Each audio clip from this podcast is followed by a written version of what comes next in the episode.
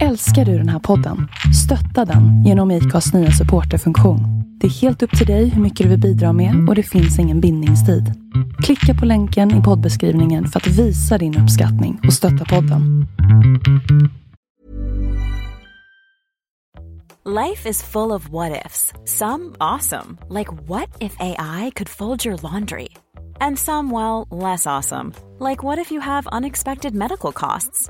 United Healthcare can help get you covered with Health Protector Guard fixed indemnity insurance plans. They supplement your primary plan to help you manage out of pocket costs. No deductibles, no enrollment periods, and especially no more what ifs. Visit uh1.com to find the Health Protector Guard plan for you.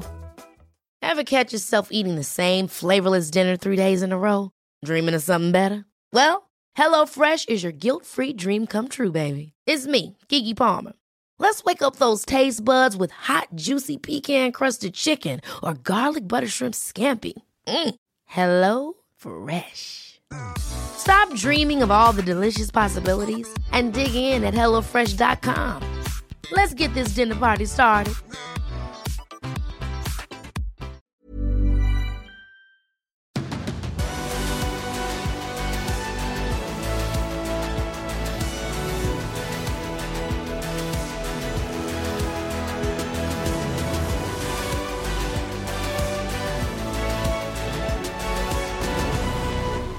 Är det dags för ännu en MotoGP-podd, nummer 118 med mig Tobias Lajon och med Andreas Mårtensson.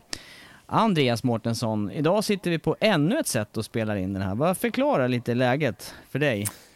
Ja, nej men jag var tvungen att åka iväg en runda så jag åkte ner till eh, Kreta och sitter där nu. Åkte ifrån min poddutrustning såklart så att nu är det lite mer spartansk eh, utrustning som används. Så vi får väl hoppas att, eh, att ljudet är okej okay i den här podden. Mm, vi får hoppas det. Det funkar i alla fall okej. Okay. Du låter bra och jag både hör och ser dig så det, det blir bra. Jag sitter i garaget på en, ja det är inte ens en pinnstol, det är en pall. Så jag försöker hålla balansen här. Det funkar någorlunda i alla fall. Ja, jag tyckte det var så svalt hemma i Stockholm så att jag ville åka till värmen så jag, jag drog hit ja. Men det, det kanske är varmare hemma. Du, det var grymt varmt här ett par dagar. Både hög luftfuktighet och, och riktigt höga temperaturer och ett, eh, ett ruskigt åskoväder. Jag undrar om du missade det precis när du stack iväg men det var blixtnedslag till och med i, eh, jag skulle säga inom en kilometers radie härifrån så vet, känner jag till två blixtnedslag i både hus och träd. Så att det där var, det var olustigt faktiskt. Var, du hade tur som drog tror jag. Ja. Du, eh, idag, nummer 18, podd nummer 118, så vi ska snacka lite nummer 18 och som vanligt också plus och minus efter eh, Saxenring. Sachsenring. Nyhetssidan, det kanske är nyhetstorka, vem vet? Du kanske har hittat någonting, det har varit rätt lugnt för mig när jag har kikat runt bland det som händer här under veckan. Men sen också bara några få dagar till eh, nästa deltävling, då är på Assen, så det måste vi snacka upp också. Det är punkterna som jag funderar på inför eh, podden här. Vi brukar ju komma in på både det ena och det andra under plus och minus, så det är väl lika bra att vi kör där då. Den bredaste punkten. Ska vi inleda med det före nummer 18 då tycker du? Eh, nej men, vi ska ju inte göra som vi gjorde för några poddar sedan och glömma startnumret, så att det är kanske är lika bra att börja med startnumret då. Jag tycker det, för det där kändes lite fånigt när vi, när vi väl eh, hade avslutat och jag hade inte en tanke på att vi hade missat det där. Det blev, det blev lite konstigt. Ja, jag satt och redigerade och sen bara, men avsnittet om startnumret, vad är det? Borttappat. Ja, ja. Så kan det gå. Ja. Det är ungefär som när vi har snackat race och man kommer inte ihåg vilken som vann eh, Moto 2 eller Moto 3 för någon timme sedan. Nej, nej, det brukar försvinna ganska fort. Faktiskt. Det är väl så, hjärnan måste pausa lite grann. Men du, eh, vi, vi kör nummer 18 här med, eh, för mig, eh, den, enda, den enda föraren i, på nivå som jag kommer på som jag kan snacka lite om, det är Nicolas Terol eh, spanjor som han körde inte MotoGP men han körde 125 och var världsmästare där och så körde han också Moto 2 och han eh, kör även fortfarande så sent som i år med eh, i Endurance-VM. Ja, den sista 125 världsmästaren. 2011 vann han titeln. Ja, men det är väl sånt som brukar sätta sig på näthinnan där när det blir klassbyte och går till sen eh, till Moto 3. Men han var ändå ganska anonym tycker jag som förare. Körde ju för Aspar-teamet eh, flera säsonger. eh, Jorge Martinez där som själv är tidigare aktiv förare. Och eh, ja, när sen karriären gick över till Moto 2 efter, eh, efter VM-titeln så, så blev det inte de där omedelbara framgångarna och så vill jag minnas att eh, Aspar-teamet valde att lägga ner sin Moto 2-satsning och då hade han ingen riktigt naturlig väg vidare så att han körde Moto 2 tre säsonger efter sin titel men eh, därefter så gick han över, och körde superbike och supersport och, och blandade och gav lite grann. Ja, jag sitter och tittar på resultaten här 2011 när han vann sin titel. Eh, och jag kommer ihåg den här säsongen ganska väl faktiskt, för att det var Sarko som blev tvåa då i mästerskapet. Det var just den säsongen när Sarko blev just tvåa i de flesta racen på grund av att han kändes som att han gav bort vissa segrar och vi brukar prata om den nu och jag, men det är just den på Misano där när han tittar bakom på målraken och sen kommer till roll och kör förbi han där. Ja, ja faktiskt. Den, den, den sitter på näthinnan. Och sen var det även ett race liknande tror jag i Barcelona det året när, när Sarko också förlorade segern helt enkelt.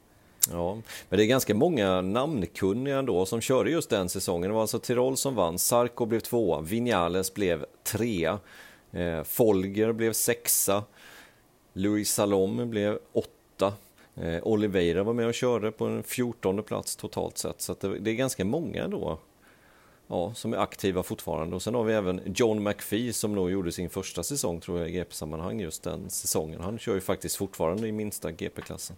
Ja, men det, det, säger ju ändå någonting om då kvaliteten på både teamet och eh, på, på Tirol som förare där. Och jag minns att jag hade klart större förväntningar på honom när han skulle kliva upp till Moto 2 sen. Och, och så blev det inte så riktigt av... Ja, eh, det, det där är lite svårare att förstå. Men det är, det är nästan jämförbart med det som sker med, med Dalla Porta nu att det, han får inte till det med en större cykel. Och även Tirol är en liten förare som väger klart under 60 kilo i, eh, ja, utan skinnställ och hjälm och så. Så att kanske att det spelar in med vikten där. Mm, ja, det kan, det kan det göra. Jag tittar lite längre bak här bara på de som inte tog poäng. Jack Miller körde sitt första race den säsongen, eh, troligtvis som wildcard då. Brad Binder körde också ett race den säsongen. Så att, eh, ja. Och de är ju i högsta grad kvar, de flesta namnen du nämner här och, och också åker MotoGP så att... Det var ju precis just... inledningen på liksom deras karriärer kan man ju säga. Ja. Men just då att inte Terol tog sig vidare, det... Ja, på det sättet sticker han ut i negativ bemärkelse. För att många som väl har blivit världsmästare går ju ändå vidare och tar fler titlar eller åtminstone lyckas man ta sig vidare uppåt i, eh, i klasserna. Mm, stämmer. Men alltså Superbike, Supersport och eh, jag har för mig också att eh, Terol eh, hoppade in och körde Moto E när det väl drog igång men inte heller där med några speciella framskjutna placeringar. Så Moto E då och eh, Endurance-VM för Tirols del. Plus då att han är faktiskt involverad eh, runt Aspar-teamet fortfarande i MotoGP-depån. Så han är ju i allra högsta grad eh, i branschen men inte den här yppersta eliten utav förare längre. Nej, Stämmer. Ehm, jag har en nummer 18 också, som jag har tänker det? på. Ja visst, ehm, men nu är det inte riktigt MotoGP faktiskt den här gången, utan jag tänker ändå ta upp den här föraren. Det är Craig Jones, Supersport 600, som tragiskt omkom då i en krasch 2008. Ehm, det startnumret har satt sig på min näthinna. Mm. Var det någon förare som du under den tiden eh, följde eller kände till någonting om speciellt? Ja, men jag följde just, just i den här tiden så följde jag ganska mycket racing överlag som jag alltid har gjort. Men just supersport, superbike och såg den här incidenten live faktiskt. Och den, eh, den var svår att skaka av mig för jag var ju mitt uppe i min egen karriär just då. Eh, och det, nog, det var nog därför som den var, den satte sig på mig helt enkelt. Den kraschen, när man ser den live i tv. Och, och det, jag, det jag minns om det, det var ju att det där var i, visst var det där i avslutningen utav ett race och det var namnkunniga förare runt omkring honom också som var involverade vid kraschen. Ja, det här var ju på Brands Hatch då 2008 och eh, han slog som ledningen där tillsammans med Andrew Pitt och Jonathan Rea. Eh, de tre hade en, eh, ja, en de fightades rätt friskt faktiskt, gjorde de. Eh, nu var inte detta sista varvet, det kanske var tre varv kvar, två, nu, ja, jag, jag gissar lite, men i slutet av racet var det vilket fast mest. Eh, och så kraschade Jones på egen hand och sen eh, ja, kunde inte de två bakomvarande förarna undvika honom helt enkelt. Nej, och det är tyvärr det... den typ, det är den värsta typen av olyckor, det har vi konstaterat då. Den olyckstyp som fortfarande eh, får värst följder helt enkelt. Ja, visst. Och man såg ganska direkt att det inte gick så bra helt enkelt. Så att, nej, men den, den satte sig på mig faktiskt eh, lite grann, eller ganska mycket den kraschen. Den, den, den tog ett tag och skaka av sig, om man nu kan säga så om en krasch. Ja. Faktiskt. Ja. Ja det, han, stör, han körde just med eh, startnummer 18 för eh, Palkargar-teamet. Det var precis när de hade byggt Portimao-banan. Eh, och då hade ju de ett team, eller de sponsrade ett team som körde då i Supersport 600. Just det där, Park Algar tillsammans med någon portugis där, vad hette han nu då? Har jag glömt vad han hette. Strunt samma. Ja, det kanske kommer. För, ja, jag känner igen det när du säger det. Men, eh, men han, de, de, det teamet hade ju också, eller Craig Jones framförallt, har ju en koppling till GP-depån som, som är aktuell fortfarande idag. Ja, men han har ju faktiskt det, för han hade ju eh, en crewshift då som, eh, som jobbade med John McPhee innan. Och det blev ju ett ganska Eh, ett skifte där nu. Ehm, och McPhee gick ut i, i brittisk tv och var ju väldigt missnöjd. Vi hörde ju faktiskt också att, att Johan hade tänkt att byta ut då McPhees ehm, crewchief och flytta honom till motor 2 istället. Ehm, vilket också gjordes då till Jake Dixon och, och McPhee var ju absolut inte nöjd med det här. Eh, och det är alltså samma crewchief då som jobbade med eh, Craig Jones. Mark Woodich.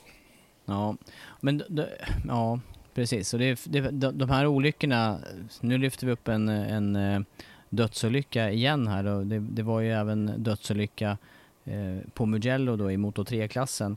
Men det, hur påverkar det generellt folk runt omkring? Vad är din erfarenhet av det där Andreas? Nej, men det, det, påverkar på något sätt i stunden, men sen, jag tycker Johan sa det på ett bra sätt eh, när vi pratade med honom förra veckan, att det på något sätt går saker och ting vidare. Eh, det är så i den här sporten. Eh, sen kan man tycka vad man vill om det, men, men, men det är så det är och det är så det troligtvis kommer att vara i framtiden också. Att alla vet de här riskerna som är involverade i det. Eh, ja, och då får man helt enkelt på något sätt ta att sånt händer, om man nu får säga så. Miguel ja. Praia hette han som var teamkompis med eh, Craig Jones förresten. Nu kom det. Ja. ja, snyggt. Den hade jag inte kommit på. Det namnet hade jag inte kommit på. Du, eh, färdigpratat om nummer 18, eller vad säger du? Mm, jag tycker det. Nu är det plus och minus. Nu, nu har vi inte glömt 18, utan nu, eh, nu går vi in på vad som hände i helgen. Det är bara två dagar sedan egentligen. Vi spelar ja, in det här, det alltså, tisdag kväll ska vi ju det är bäst att nämna det här, för den här kanske kommer inte riktigt onsdag morgon utan lite senare i veckan kanske. Ja, men på plussidan för mig, det är odiskutabelt eh, Mark Marquez som eh, lyckas vinna igen och, och fortsätter att vara obesegrad på Sachsenring. Och han vinner för Miguel Oliveira som är dryga en och en halv sekund bakom och sen då VM-ledande Quartararo på tredje plats. Så att eh, det är, eh, och han är under ganska hård press av Oliveira under racet, Marquez, men, men lyckas alltså ta segern. Och det var mycket känslosam eh, avslutning där när han kom tillbaka in i Park Fermé och på prispallen. Eh, definitivt plussida för min del. Ja, självklart måste han ju få det. Det var, det var faktiskt lite känslosamt, inte bara från honom, men lite från mig också faktiskt när vi såg det här att han lyckades ta det här. Man, man, man, vet ju vilket helvete, rent ut sagt, som han har gått igenom senaste tiden. Eh, och i det läget då få komma tillbaka på det sättet, vinna ett race igen. Efter då 581 dagar senast. Eh, det, det, är klart att alla timmarna i gymmet, alla timmarna på operationsbordet. Han var, vi, vi ska komma ihåg att han var över en vecka på sjukhus i december. Eh, när den tredje operationen gjordes. Eh, och jag tror faktiskt också att han fortfarande äter antibiotika för infektionen i benet. Jag tror inte han har slutat med det faktiskt. Så det är eh, inte bara, det här kunde varit en, en karriärändande krasch helt enkelt. Men ja. nu är han tillbaka i, i, högst upp på pallen igen.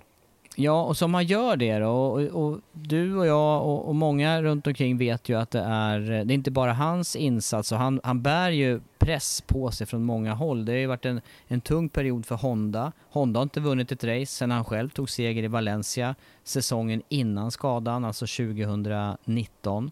Och eh, sen då att komma till ett ställe där han har varit obesegrad på han har tre krascher, de, alltså de tre senaste racen och inga tester i ryggen. Det är väldigt många saker tillsammans som han ska övervinna här. Och intressant hur han också har lyckats att göra det, i alla fall lyckats göra det. Har man gjort det en gång, det kan ju för de flesta vara nog att visa att man kan vinna igen. Han har ju säkert, han har ju såklart siktet högre inställt, men, men att göra det här nu första gången efter skadan, det var, det var häftigt att se.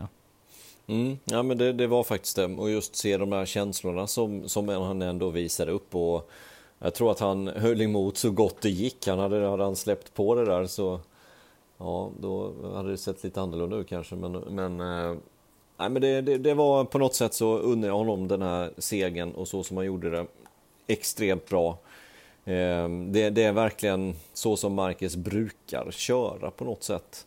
Som han körde här. Han sa ju själv där att när de här dropparna av regn kom så, så, så kände han själv det här är mitt race. Liksom. Det, det, det ingen kommer stoppa mig här. Och det såg vi också att första gångerna, och som han sa också, och som vi även såg då, att första stänken som kom, då pushade han. Andra stänken som kom, då pushade han ännu mer.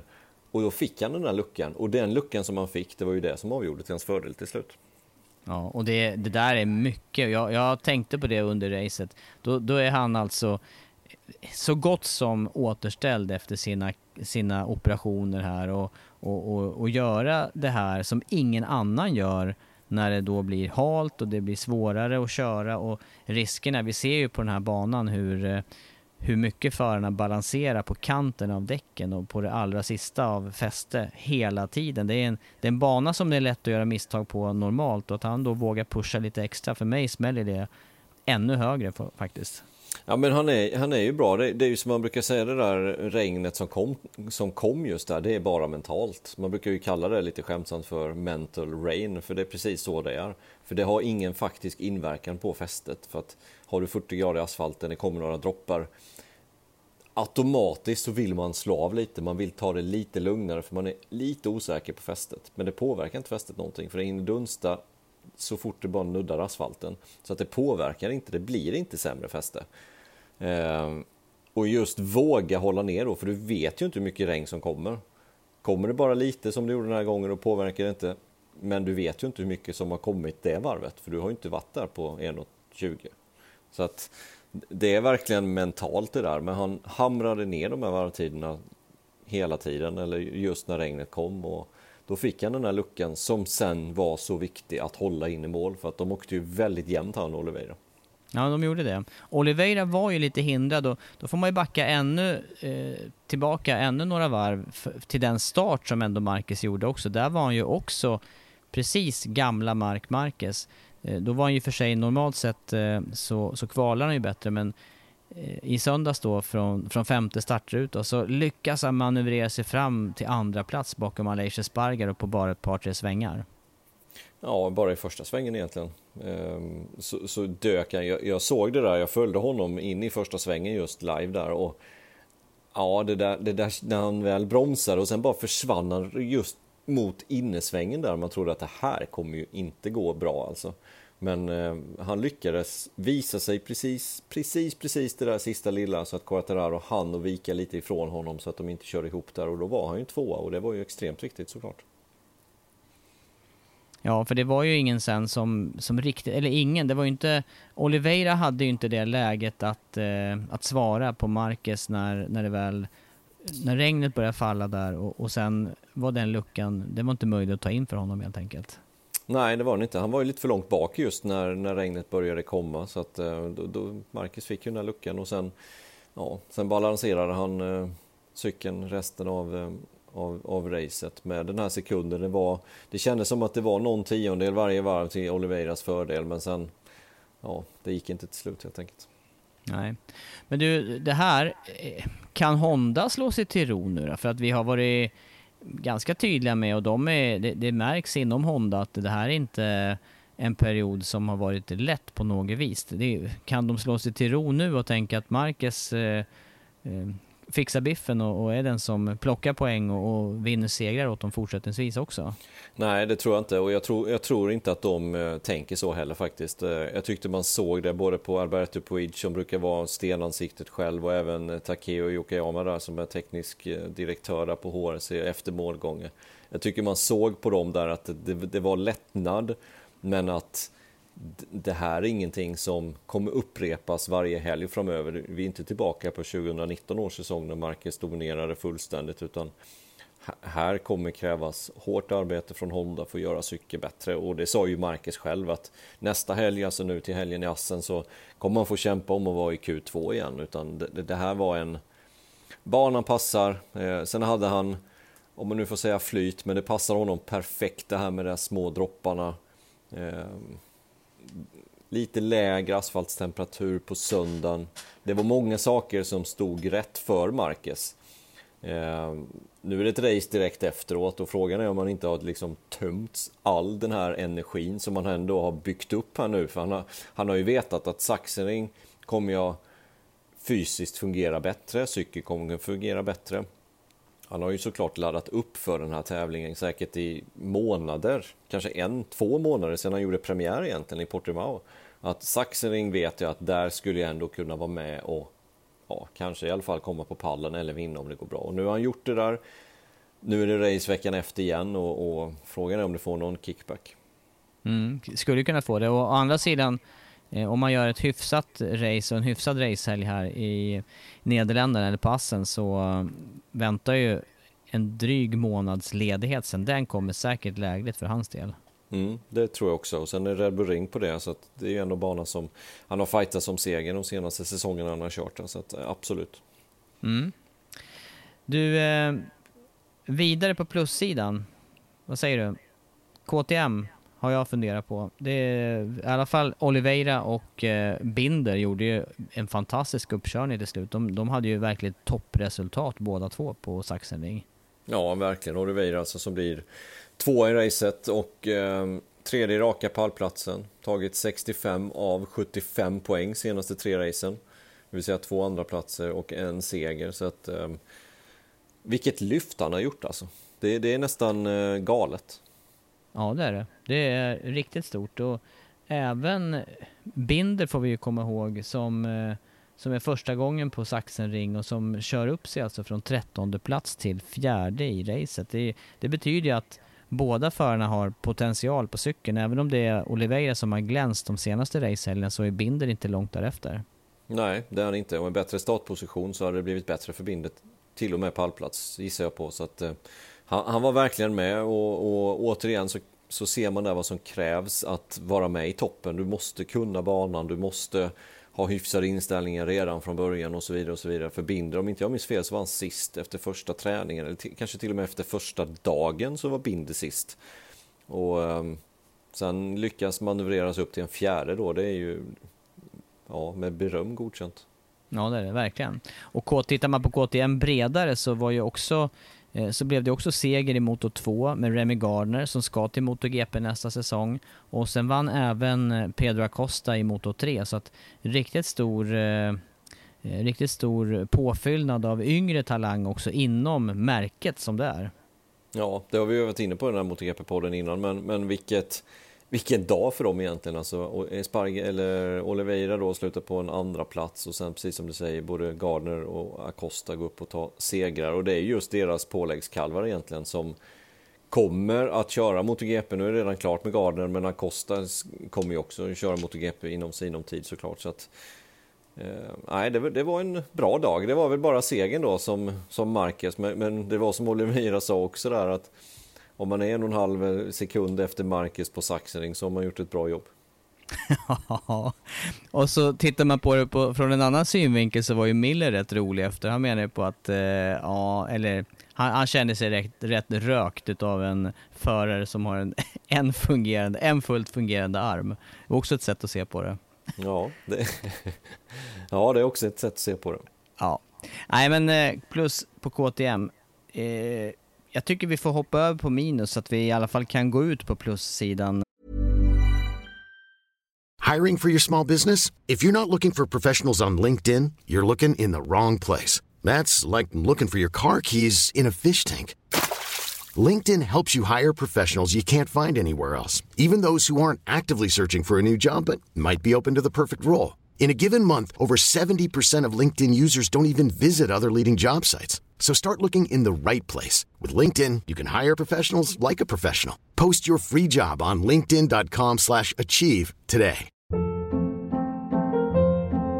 Hold up. What was that? Boring. No flavor. That was as bad as those leftovers you ate all week. Kiki Palmer here, and it's time to say hello to something fresh and guilt-free. Hello Fresh. Jazz up dinner with pecan-crusted chicken or garlic butter shrimp scampi. Now that's music to my mouth. Hello Fresh. Let's get this dinner party started. Discover all the delicious possibilities at hellofresh.com. Hey there, it's Michelle Norris. I'm host of a podcast called Your Mama's Kitchen. When I travel, I'm usually looking for a way to find a taste of home when I'm not at home. And one of the things I love to do when I am at home is entertain. And Airbnb allows me to do that. When I was in California recently, I rented a house that had a great kitchen. And when we were sitting around the table, we we're all thinking, we're in someone else's house. Someone could be in all of our homes as well. If you have a home, but you're not always at home, you have an Airbnb. Your home might be worth more than you think. Find out how much at airbnb.com slash host. Eh, Minussidan, där, eh, det är bara att bläddra neråt då i resultatlistan och eh, där var ju faktiskt, rätta mig nu om jag har fel, Vinales var sist över mållinjen. Ja, stämmer. Han var alltså 19 och sist. Morbidelli var 18. Eh, nu, lov, nu var det ganska tajt upp till eh, den tredje Yamaha-föraren då, Rossi, som var, vad blev han, 14 i mål till slut, Rossi. Eh, några sekunder framför. Ja, men, men eh, anmärkningsvärt eh, blir alltså Yamaha där på minussidan trots att, eh, trots att eh, Quartararo då slutar trea och då blir det den här jämförelsen igen som vi använt så många gånger med, eh, med Marquez för Honda och, och hans poängskörd. Det, det börjar likna något liknande för, eh, för Yamaha. Ja, men det gör ju det. Eh, Quattararo leder mästerskapet, 131 poäng. Eh, de andra tre Yamaha-förarna, alltså Vinales, Morbidelli, Rossi, de har 132 poäng tillsammans. Eh, så att, ja, det, det är ju inte bra helt enkelt. Eh, och, och framförallt måste ju ändå Vinales stå i, i skottgluggen mest och han var ju väldigt kritisk till Yamaha här efter racet i sin debrief där och, och, och tyckte att de inte respekterade honom riktigt och, och, tyckte att de skulle bygga en cykel som passar honom bättre. Eh, att han inte vill kopiera några inställningar från Quattararo utan som sagt tycker att Yamaha ska gå han till mötes på ett annat sätt. Och, eh, ganska starka ord ändå ifrån eh, från Vinales mot då en teamkollega som leder mästerskapet och haft fem raka pole position inför Sachsenring och var 11 tusendelar från att ha sex raka pole position. Ja, nej, svårt läge för Vinales. Så märklig omsvängning ändå med tanke på hur säsongen inleddes och hur, hur mycket beröm vi faktiskt gav honom där efter första racehelgen i Qatar. Ja, men man trodde ju på något sätt, vi visste ju inte riktigt redan då, men vi, vi trodde och hoppades kanske på att nu är det vändningen som är nära här för Vinales. Nu har han äntligen fått ordning på omkörningar och så vidare. Eh, men, men det visar ju sig inte stämma utan det var ja, lucky lap som man brukar kalla dem. Det var ju inte riktigt så, men lucky race då på något sätt. Det känns ju så nu i efterhand i alla fall att efter det så har ju inte varit i närheten knappt. Ehm, sen är marginalerna så extremt små. Jag vet själv hur det är att köra med en cykel som, som är svår att köra om med som har lite mindre effekt. Det är, det är supertufft är det, för, det, för det är så små marginaler då. Kvalar du ett led sämre, du har en förare framför dig som, som har mer effekt och bromsar senare, då kommer du inte förbi och det förstör hela ditt race egentligen. Så det är så extremt små marginaler när du kör en sån cykel. Och har du inte de marginalerna på din sida, nej då, eh, då har du problem. Och det var precis det som Vinales hade. Men Quattraro låg ju i, faktiskt också i en klunga. Och han låg dessutom med toppförare. Han låg med Miller, han låg med Sarko, med Aleix Sparger och slogs liksom om pallplats och lyckades ta sig förbi de här och ifrån dessutom. Så att uppenbarligen så går det ju för vissa. Ja, nej precis. Det, det är riktigt klurigt det där. Och sen får vi också tillägga det som har rört eh, Vinales kval nu ett par tillfällen. Både Mugello och sen här med, med krascher i FP3 och där någonstans. Eh, och kritiska ögon, kritisk moment av FP3 också där ja, det, det i sin tur har gjort att eh, Vinales har behövt köra Q1 och sen inte kommit vidare där. Och, ja, det, det bara en nedåtgående spiral hela tiden. Ja, eh, och nu gör man ju vad man kan egentligen från Yamahas sida då när man eh, eh, flyttar på Esteban Garcia eller kickar honom helt enkelt för att ta in Silvano Galbusera då som crew chief istället. Och det känns som att det här är han sa ju själv att det här är, eller Vinales sa själv att det här är ett Yamaha-beslut och det, det, känns som att Yamaha börjar bli otåliga här nu, alltså med Vinales borde bli det, speciellt efter de här uttalandena att, att nu måste det till snart en, en resultathöjning för att annars funkar det inte. Och, och kan det ha varit hans kan det ha varit hans största misstag någonsin att, att kicka Roman eh, Fourcade? Ja det, ja, det kan mycket väl vara så. Och jag är inte ens säker på att han eh, eh, ja, det här, det här kan man ju spekulera ännu längre tillbaka. Han kanske inte skulle ha lämnat Suzuki ens i första läget. Nej, det, det är ju det är ju svårt. Han, han, tog ju trots allt tre segrar på fem första racen på Yamaha, så att, eh, det, det, vet jag kanske inte. Men, men eh, just där att, att kicka Forcada, Forcada gick ju sen till Petronas då eh, och är crucial för Franco Morbidelli idag. Men har ju jobbat med Lorenzo, tre VM-titlar i Yamaha när han jobbade tillsammans med just Lorenzo där 10, 12 och 2015 och tog in sin kompis egentligen. Blev det ju. Esteban Garcia. Tog in polaren, satte honom som crewchief och resultaten uteblev. Eh, och, och, det känns som att Yamaha gick med på det för att de, de trodde väl också på den här varianten att det skulle fungera. Men nu känns det som att nu måste de prova någonting annat. De var tvungna helt enkelt att ta in Galbusera för att de vet vad Galbusera går för. Eh, Behöver en förändring helt enkelt. De behöver, de behöver avkastning på det, det kapitalet som de har lagt ut på Vinales. Ja, men och dessutom har man ju signat honom för två ytterligare säsonger, visst är det så? Ja, nästa år också. Ja, hans, hans ja. kontrakt går ut efter 2022. Men, men det är i alla fall inte så att eh, de, varken eh, Vinales eller Yamaha kan slingra sig ur det här på något vis nu, för det finns ju inga styrningar heller att gå till, eller, eller ersätta honom med riktigt heller. Nej, nej det gör det inte.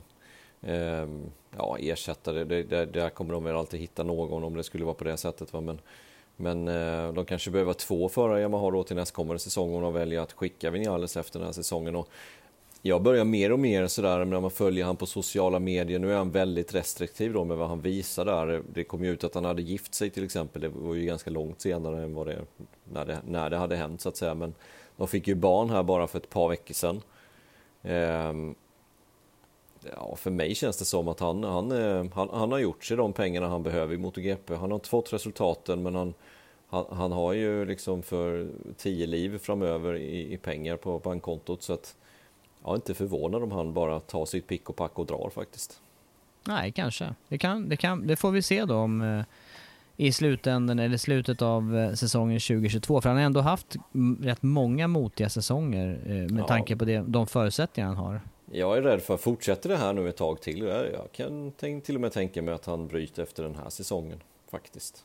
Det, mm. jag, jag, jag, bara har den känslan utan att grunda det på någonting så, så ja, det händer någonting när man får barn. Så enkelt är det. Och det har han precis fått här nu och det är säkert lite vakna nätter och det ena med det tredje just i det här, detta nu liksom. Och, och det är inte helt lätt då att ta privatjeten till Assen sen och sätta sig och köra där. Alltså det, det är inte superlätt att kunna fokusera på olika saker. Nej, och, och kvittot senast med sista plats det, det, det, är inte någonting som någon utav förarna vill ha. Eh, ingen vill komma sist, verkligen inte sist. De vill ju knappt komma tvåa så att det är katastrofresultat. Ja, det är det verkligen. Ja, vi får ja, se. Fler Men... på minus, ja det, som är kanske lite positivt för Vinales det är att han kommer till en bana där han vann senast det kördes MotoGP-race där. Han vann alltså Assen 2019. Så var det, före Marquez och Quartararo slutade trea där. Ja, vi får se eh, hur, eh, hur fortsättningen blir för Vinales del. Och minussida vidare då. Eh, jag kan även tänka mig Suzuki den här gången för att Suzuki, båda förarna, de hamnar någonstans i den här i mellanmjölksresultaten i mitten. Ja, det var ingen, ingen bra racehelg för Suzuki överhuvudtaget faktiskt. Rins som kvalade ut Mir. Mir blev ju lite bättre sen i racet. Vad blev det? 9-11 till slut eller något sånt där? Nia blev Rins, eller förlåt, eh, Nia blev Mirja eh, från 16 startposition. Mm. Ja. Och Rins, som du säger, 11 från 11 startposition. Så att han höll ändå sin, eh, sitt kvalplats. Ja. Jag läste faktiskt en intressant sak idag om just Suzuki. Att, att eh, redan i premiären i, nu, nu är detta hörsägen helt enkelt, men, men redan i premiären i Qatar så, så när de såg däcklistan då inför de kommande racen för hela säsongen i och med att man gör det ganska tidigt då och släpper däcklistan. Så visste Suzuki att de kommer att ha problem de första sju racen fram till Sachsenring. Eller åt, åt, är vi åttonde racet nu eller sjunde? Eh, det var åttonde racet på Sachsenring, så det blir ju till och med nionde nu då på Assen. Ja, ja men då, då, visste de att de skulle ha problem de första åtta racen, det vill säga fram till Sachsenring. Men efter det så skulle tydligen däcklistan, eller de däcken som används helt enkelt, passa Suzuki på ett bättre sätt. Och då sades det redan då i Qatar att, eh, att de visste att det, det är skadaeliminering helt enkelt fram till och med Sachsenring. Sen kommer deras säsong att börja ordentligt. Och stämmer det så är det ju positivt för deras del. Ja. Men det är 45, 46 poäng har Mir upp till Quartararo i VM-ledningen. Så det är, ja.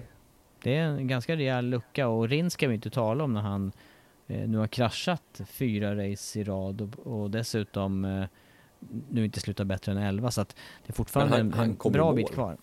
Ja, han kom i han mål. kom i mål. Ja, kanske att han skulle, han kanske skulle vara på plus. Han har inte varit i mål sedan Qatar. Nej, det är lätt att radera över det där, men det är så alla tror jag. Jag själv, som, jag har inte kraschat mycket och inte heller kört på den här nivån, men jag har haft perioder där det har varit många racehelger med krascher i rad. Kanske inte under race, men ja, det, det är lätt att komma i sådana perioder. Mm. Förhoppningsvis vänder det för honom. Eh, någonting ytterligare på plussidan skulle jag vilja gå ut på här från eh, plus och minus Sachsenring. Eh, Shoot. Banjaya eh, reagerade på hans eh, körning framförallt eh, i slutet på racet där. Han eh, verkade i skymundan under hela loppet. Han, han började tia, han startade tionde och, eh, och slutade femma och blev bästa Ducati. Och för mig var han den Ducati-förare som kämpade mest under eh, framförallt träningar och kval innan. Mm. Ja men det gjorde han. Han var väl fjärde Ducati på griden tror jag. Slagen av Sarko som står i pool, Miller fjärde, Martin i sjunde. Och sen står han själv då i tionde startruta. Ehm, och så blev han alltså bästa Ducke. Och ehm, jag håller med om det. Jag vill också lyfta Banjaya. Jag tycker att han gör det jättebra, men, men samtidigt så gör de andra Ducati-förarna mindre bra. Inte så pass dåligt kanske så de hamnar på minus, men eh, snudd på. Sarko från pole till, vad blev han? 6? 8? 8. 8. 8. Och vad blev Mille till slut? Ja, han slutade sexa från eh, fjärde startruta. Mm. Och, och Miller trodde jag ganska hårt på faktiskt efter alla de varven han la på träningarna och race pace och det såg bra ut för hans del men lyckades inte i racet överhuvudtaget här tycker jag i alla fall så att nu slutar han med en sexa då, det skiljer bara en poäng mellan femte och sjätte plats så det är ingen katastrof på det sättet men, men eh, nu ska vi lyfta Banjaya och det var det som var poängen och eh, det tycker jag han gjorde riktigt bra. Mm. Ja, jag hade både Miller och Sarko på, på min pall som jag tippade här inofficiellt men eh, det var som sagt var Banjaya där och det, det, där, det där är för mig det är ganska märkligt hur, eh, hur det plötsligt klickar så annorlunda på söndagen och, och att och, och, och, som ensam förare då sticka ut på det sättet för ett fabrikat. Men vet du, jag tycker att det ofta är just Banjaya som gör det. Jag tycker att han, han racear ofta bättre än vad han har visat på träningarna och kvalen. Och tar vi Miller och även Sarko till viss del så har man eh, oftast lite högre förväntningar på dem men sen kan det bli bra eller så blir det pannkaka. Det är sällan man känner så om Banjaya utan han är jämn bra på något sätt. Ja, jag, jag gör bara en snabb eh, sökning här och kollar på deras eh, raceutveckling eller om man bara jämför kval och eh, raceresultat och då stämmer det där som du säger där kring Banjaya att han ofta har en positiv trend från sin startposition och de andra två där har inte lika tydligt så, i alla fall inte den här säsongen. Och då är ju frågan antingen så är ju de grymma då på att sätta enskilt snabba varv, Sarko och Miller. Men det är ju Banjaya också egentligen när man tittar på det. Han står ju pol i, i några racen och ja. Han kanske tar en pol, men han har varit väldigt snabb i alla fall enskilt snabb. Han skulle stått i pol i Portimao, men det blev inte så. Nej, men i mästerskapet så ser det ju ändå lovande ut för, eh, för Ducati-förarna. Sen om de når ända fram till Quartararo, för att sammanfattningsvis här nu på plus och minussidan så är det ändå Quartararo som har övertaget i mästerskapet och den som de andra måste jaga. Ja, nej men så är det. Han är, han är en favorit till årets mästerskap. Han, han leder mästerskapet och jag tycker att han är... Eh, ja, han är i riktigt bra form just nu. Nu blev det lite skadeeliminering i söndags på Saxring, men, eh, men eh, han kommer vara riktigt vass här i helgen som kommer. Mm. Ja, eh, vi lämnar plus och minussidan från Saxenring och, och racehelgen där och eh, bara studsar till vid nyhetssidan. Det var ju en del eh, nya kontrakt och lite förnyelse både med fabrikat, team och förare inför Sachsenring. Men nu har det bara gått ett par dagar sedan helgen och eh, för mig rätt så tomt på nyhetsfronten. Ja, vi väntar ju på vad som kommer hända med Petronas. Vi väntar på vad som kommer hända med VR46. Det ska komma i veckan har vi hört. Eh, borde komma här, alltså nu, nu är detta tisdag kväll så har det redan släppts nyhet av det så är det för att som sagt vi spelar in då vi gör det. Eh, men det väntar jag mig den här veckan infassen. Att Petronas kommer eh, offentliggöra att de fortsätter med Yamaha med Morbidelli som eh, fabriksförare i deras team då, eller med fabriksmaterial. Sen är frågan då vad som kommer ske med den andra styrningen, det vill säga den som Rossi sitter på idag. Det vet vi inte. Eh, det får vi nog avvakta, men, men ryktet säger nu att Yamaha inte är beredda att förnya hans kontrakt också. Att de letar andra förare till nästkommande säsong på en lite enklare spes, det vill säga att de ska ta över Morbidellis styrning helt enkelt och, och Morbidelli ska gå upp på en fabriksmaterial liknande det som Rossi. Men ja, vi får se vad som händer där. Men, men sen eh, vad Rossis team ska göra. Eh, det är inte det är ingen hemlighet att eh, de med absolut största säkerhet kommer köra Eh, Ducati till nästkommande säsong. Frågan är väl vilken eh, årsmodell de kommer köra, men troligtvis allting tyder på att det är årets modell de kommer köra på nästa år, det vill säga 2021 cykeln då. Ehm, förare Marini till att börja med, Besecki ryktas om. Ehm, men om inte Yamaha nu erbjuder ett kontrakt till Rossi, skulle inte Rossi kunna köra sista året med Ducke? Ja, med brorsan, kanske. I sitt, eget, I sitt eget team, ja. Ja. Visst. Nej, jag tror inte att det kommer hända. Men eh, i vilket fall som helst så får vi se då eh, om det kan tillkännages här nu i, i dagarna inför Assen. Men du, sen måste det också vara lite vågskål och viktig period både för Petrucci och för Lecona hos KTM i och med att man då från KTMs sida har eh, skrivit med, eh, med Remy Gardner till Tectoa-teamet. Ja, jag tror en av de förarna kom närmre ett förnyat kontrakt faktiskt. Jag vet inte vem, men att, det, att någon av dem gör det i och med att Raúl Fernandez kraschade faktiskt i, eh, i söndagens race här. När Gardner vann och nu leder Gardner med ja, 36 poäng eller vad det var för någonting. Eh, och vinner inte Raúl Fernandez VM, då tror jag han stannar kvar i Moto 2.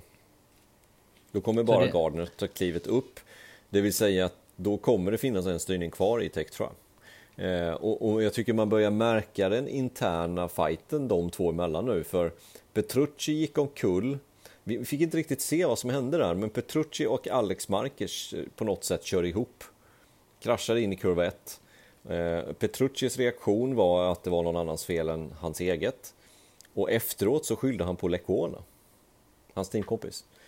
Eh, att, att han körde på ett sätt som ja, inte var bra helt enkelt. och, och, och ja, gjorde det här misstaget på något sätt. Vi vet ju inte exakt vad som hände, för jag har inte sett vad som hände.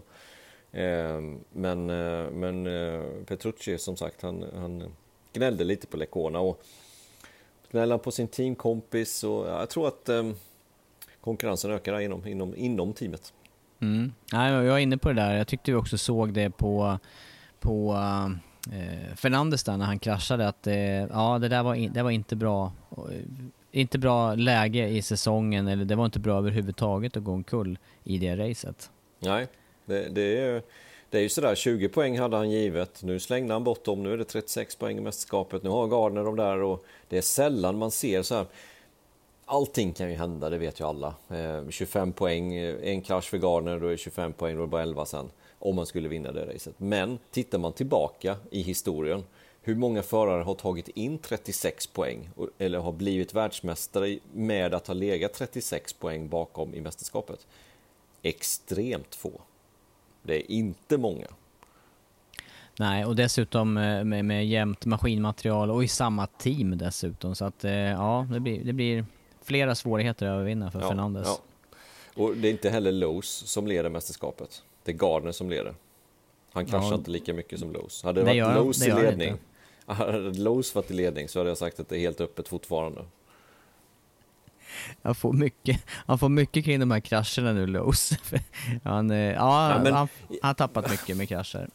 Ja, eh, han har tappat mycket. Eh, just Lowe's också, man hade ju ändå förhoppningar på att han hade slutat göra de här dumma krascherna men sen så har det ju gjort comeback och det är ju därför som det blir nästan lite komiskt.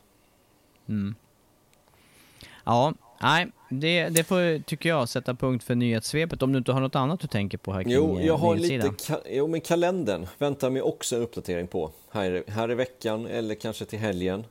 Eh, vad som kommer hända nu resten av säsongen. För nu efter det här racet så är det alltså sommaruppehåll och sen när vi drar igång igen, då vill man ju gärna veta vilka race som kommer genomföras. Det borde man kunna veta i det här laget, men ja, nu är det ju saker och ting som sker i världen och vi kan inte riktigt påverka det. Men, men jag hoppas ändå att det kommer en, en kalenderuppdatering och det senaste är väl inga, inga jättenyheter egentligen, men att Australien låter som att det blir inställt. Det är inte 100 procent. Eh, det vet vi inte riktigt, men, men det låter som att det kommer bli tufft. Japan känns mer eller mindre omöjlig. Thailand känns också mer eller mindre omöjlig. Ehm, Sen har vi Sepang. Där går rykten om att det kanske blir två race i Sepang. Vi får se. Och att det faktiskt blir av alltså?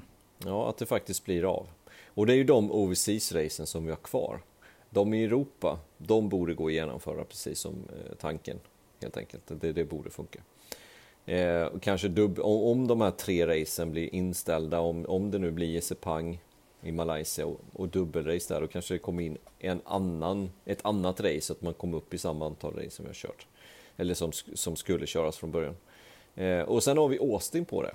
Eh, och, och, ehm, Det blir intressant att se när de knö in Austin, för, för jag tror ändå att Austin kan ligga bra till. Det pratades om att det kanske till och med blir dubbelrace där. Eh, det senaste är väl att, eh, att man kommer köra det här racet ganska sent på säsongen. Kanske till och med finalen. Att det inte blir final i Valencia utan att det blir Austin istället. För problemet är att de har ett F1-race också där i oktober. Eh, och just de datumen där F1-racet ligger skulle det passa väldigt bra att ha ett MotoGP-race för det är det är lagom, om man säger så, i alla aspekter att lägga det racet just då. Men eh, som sagt, det är F1-race där, F1 kommer gå före mot GP och då kanske man måste hitta på något annat istället och, varför inte då i slutet på säsongen? Mm, spännande, men det här, det här kan vi förvänta oss eh, tillkännagivande som du säger här under eh, racet, racehelgen i Assen?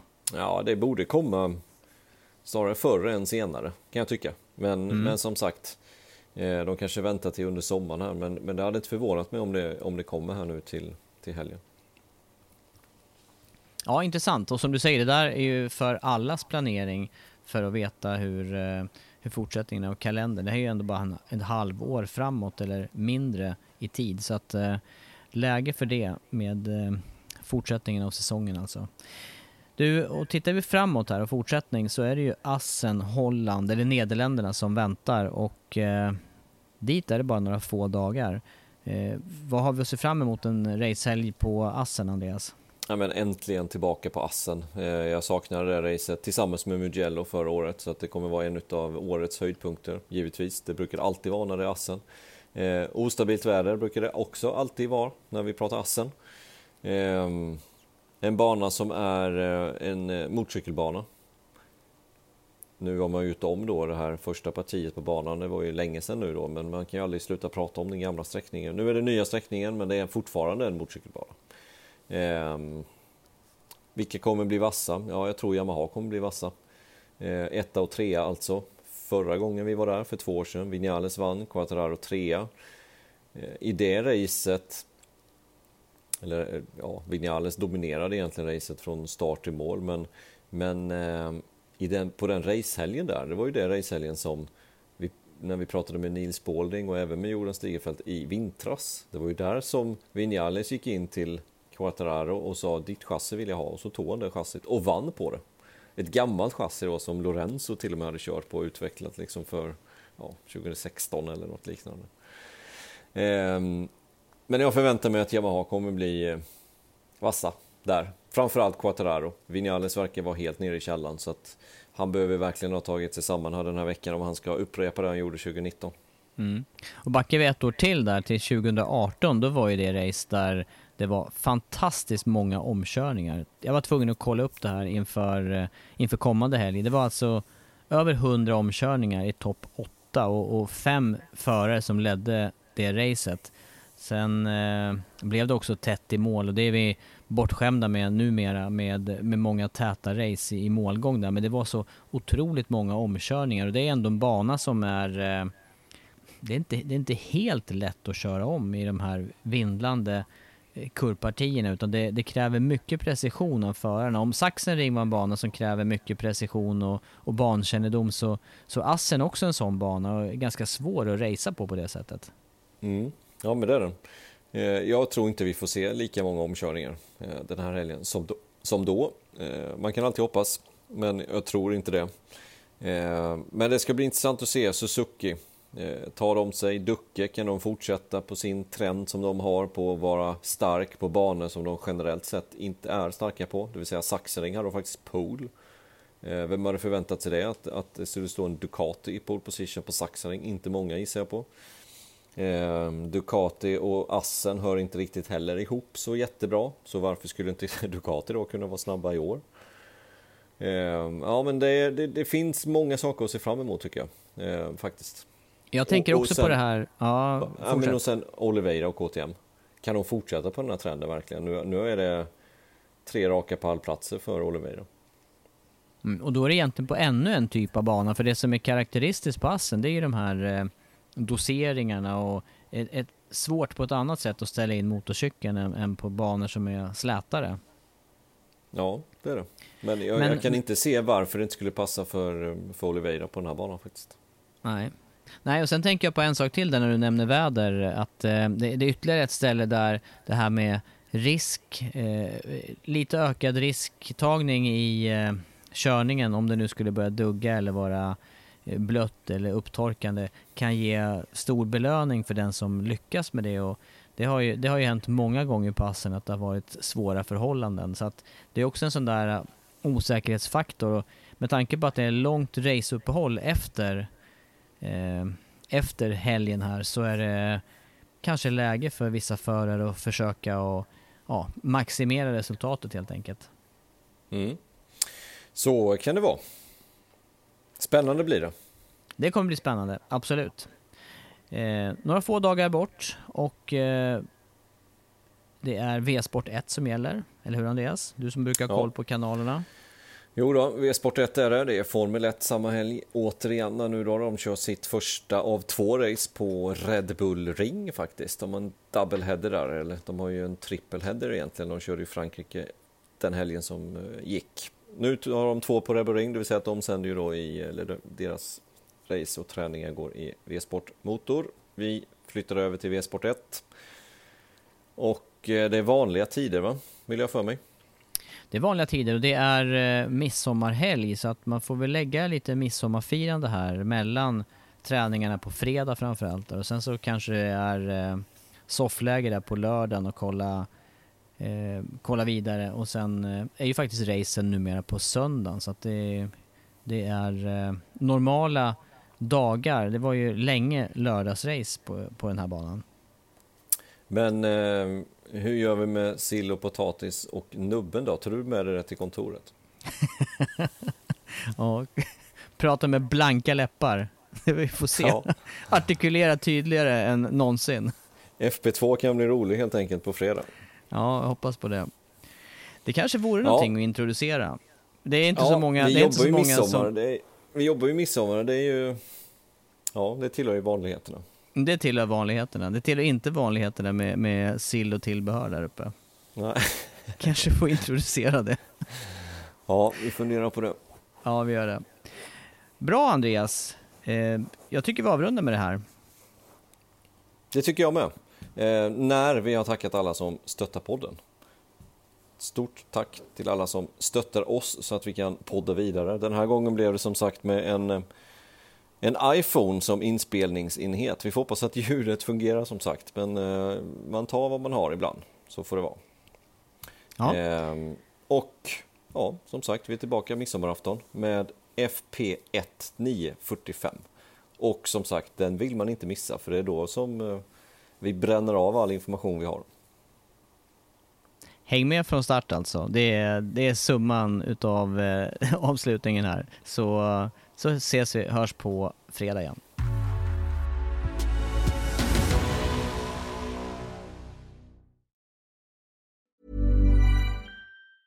Planning for your next trip? Elevate your travel style with Quince. Quince has all the jet setting essentials you'll want for your next getaway, like European linen, premium luggage options, buttery soft Italian leather bags, and so much more. And is all priced at 50 to 80% less than similar brands. Plus, Quince only works with factories that use safe and ethical manufacturing practices. Pack your bags with high-quality essentials you'll be wearing for vacations to come with Quince. Go to quince.com slash pack for free shipping and 365-day returns. Hold up. What was that? Boring. No flavor. That was as bad as those leftovers you ate all week. Kiki Palmer here, and it's time to say hello to something fresh and guilt-free. Hello Fresh. Jazz up dinner with pecan-crusted chicken or garlic butter shrimp scampi. Now that's music to my mouth. Hello Fresh. Let's get this dinner party started. Discover all the delicious possibilities at hellofresh.com.